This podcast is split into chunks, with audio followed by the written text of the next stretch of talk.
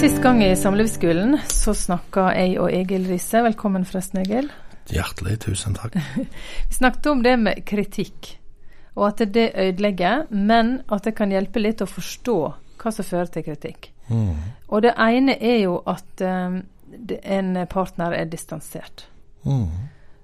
Og blir da avvisende. sant? Den ene er interessert i å prate, den andre ikke. Um, den som ikke er interessert, går jo nærmest som en skilpadde inn i skallet, eller en struts under, uh, under sanden. Og så blir det jo litt fortvilelse, for det er ikke rart det blir kritikk. For jeg har lyst til å snakke om følelsene mine. Ja. Han vil ikke, Mm. tenker vi. Mm. Da blir den ene jagende og kritisk, og den andre lukker seg og blir distansert. ja. Sånn kan det være. Eh, Sånn kan det være.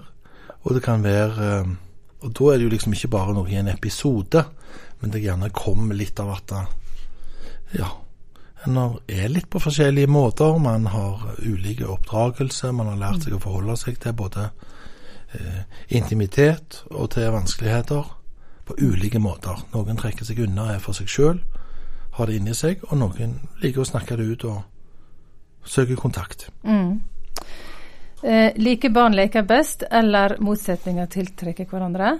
Det kan jo være begge deler, som kan være bra kanskje. Men akkurat her, hvordan kan en leve godt i lag likevel? Om en er ulike på dette området. Ja, det er jo et veldig viktig spørsmål å tenke over. Mm. Eh, hva kan vi gjøre for å ha det godt når vi er forskjellige? Det er iallfall veldig mye bedre å tenke sånn enn hvem er feilen? Vi må, må huske på det at eh, målet med forholdet er tillit. Sant? Øke tilliten. Mm. Og hva følelsen når vi sier tillit, så er det jo liksom Er du glad i meg? Elsker du meg? Er du der for meg? Kan jeg regne med deg? Er det plass for meg? Men hva følelse er egentlig tillit? Det er vel en følelse av ro. At det liksom er litt stille. Vi forbinder det vel Det kan jo være hett og flott og seksuelt og erotisk og alt mulig, men hvis vi nå tenker på det som at pulsen er rolig og lav Mm. Så det er jo målet vårt når vi skal snakke om vanskelige ting.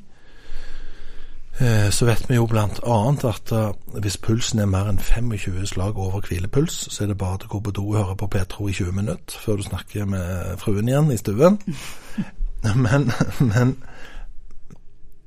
men det å få til ro, at det er trygt For det er uttrykk for den som søker kontakt.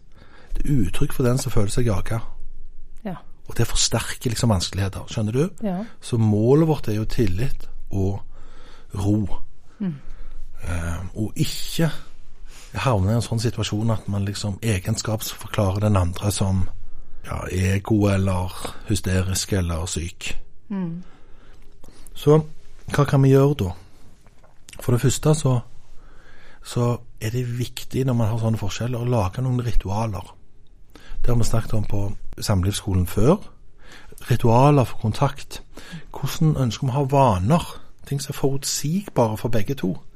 Hvordan hilser vi på hverandre når vi møtes? Hvordan ønsker vi at måltidene våre skal være? Ehm, hva er våre felles ting som er, som er vårt? Ja, er det sånn at vi snakker sammen hver dag sånn, eller har vi sånn at vi setter av eh, til kongen i statsråd en gang i uka? At da kommer den vanskelige eh, samtalen, så man slipper å gå med sånn tynn, gjennomsiktig regnfrakk hele uken for å unngå at hvis det skulle kommet opp, så må man holde avstand nok til at ingen blir oppmuntra. Nei, det er best å ha ritualer. Og her må jo den som er litt avvisende, ta ansvar. For det er gjerne den som går i forsvar, sant. ja, hvordan kan den eh, ta ansvar, da? Man må ta ansvar for at eh, man har lett for å ha en tanke som er eh, litt feil. Man kan tenke at no conflict, no pain. Ja. Sant? Ingen konflikt, ingen problem, ingen smerte er lik fred. Veldig dumt. For det at det der er stille, det er mange hjem der er stille i, det betyr ikke at det er kjærlighet. Mm. Og det at det er stille, kan òg være tomt og distansert. Men det kan jo være at den som føler at det er fred er målet, syns det er greit. Men da er det ofte den som ringer til meg og Ja. sier at da, Forstår ingenting. jeg forstår ingenting, for lynet har slått ned fra klar himmel, og nå vil du ikke mer. Så det å huske at da, fred er noe aktivt, det vi må jobbe for at den andre skal føle seg bekreftet og trygge, og når du er avvisende, så må du gjøre noe som kommer i møte med den andre. Og da er ritualer, altså hvordan vi hilser på hverandre, hvordan vi snakker om ting, hva vi har felles, våre felles interesser, hvordan vi gjør med ungene og helgene våre. Det å snakke om sånne ting som liksom er akkurat som avtaler, at vi forstår hva vi holder på med, det er en veldig støtte for at det skal skje nok positive ting i det forholdet, og ikke splid skal komme inn. Så vil jeg si noe om at eh, Ja, la oss gi et eksempel på, på det hele som sex. Noen vil ha mer sex, og noen vil ha mindre sex. Ja, det er jo et, eh, en utfordring. Og da er jo egentlig målet vårt når det gjelder sex, det er jo at ja, ofte så ligger det litt mer naturlig og gratis for en mann å ha mye dreiv. Eh, Men man kan jo føle seg veldig avvist når den andre ikke har lyst på, eller lyst på like mye.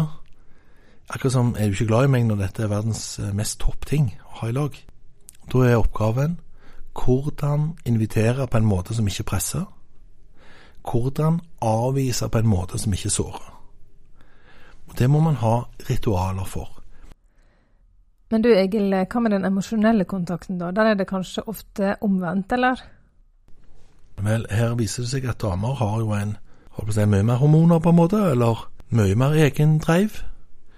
Fortegner det litt med menn og damer, men liksom Og da så blir det jo sånn at når man har lyst på mye, og blir lei seg når andre vil ha mindre, så må man òg invitere uten å presse, avvise uten å såre. Er sex eller fortrolige samtaler, så, så må vi ha det i hodet. At vi må gjøre det på trygge måter, og respektfulle måter, og ikke kritisere og gjøre den andre mindre av det. Og jeg tror veldig det at vi har ja, ritualer, som jeg sier. Jeg tror òg at det er viktig med forsikringer. Du vet, mange menn som eh, Eller det kan være damer òg, men mange som er invitert av ektefellen sin til å komme til meg, er jo kanskje invitert av den som er mest verbal, eller på en måte mest opptatt av følelsene. Og det er jo ofte at folk ikke kommer i parterapi, rett og slett fordi de er redd for at alt skal gå i tusen knas. De er redd at nå er det to mot én, og så skal begge Ja. fortelle at jeg er så store feil at dette går dårlig. Da blir det på en måte bedre med skylapper og håpe at det går bra. Og det kan jeg forstå.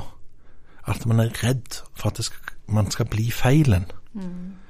Så det er veldig viktig at begge to legger vekt på å vise hverandre respekt, og gjøre avtaler om hva man har felles, og hva som er egen tid.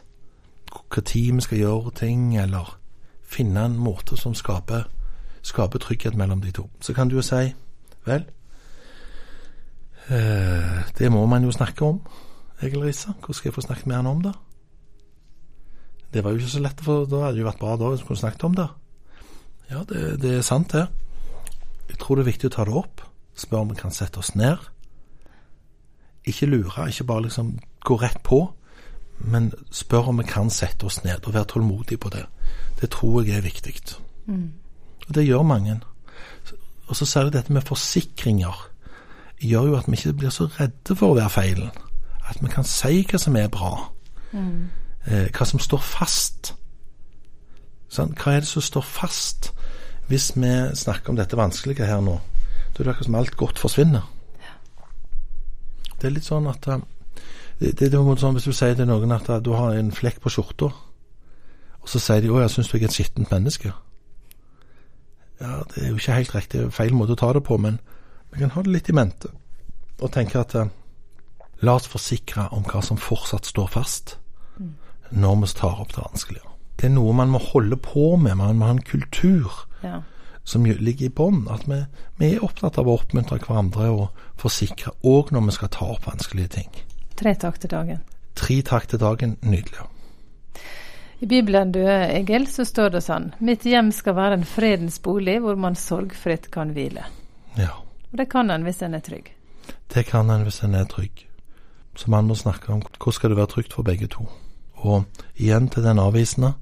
Eh, det nytter ikke å ha 'no conflict, no problem', eller 'no pain, no problem', eller Du, du må bygge freden.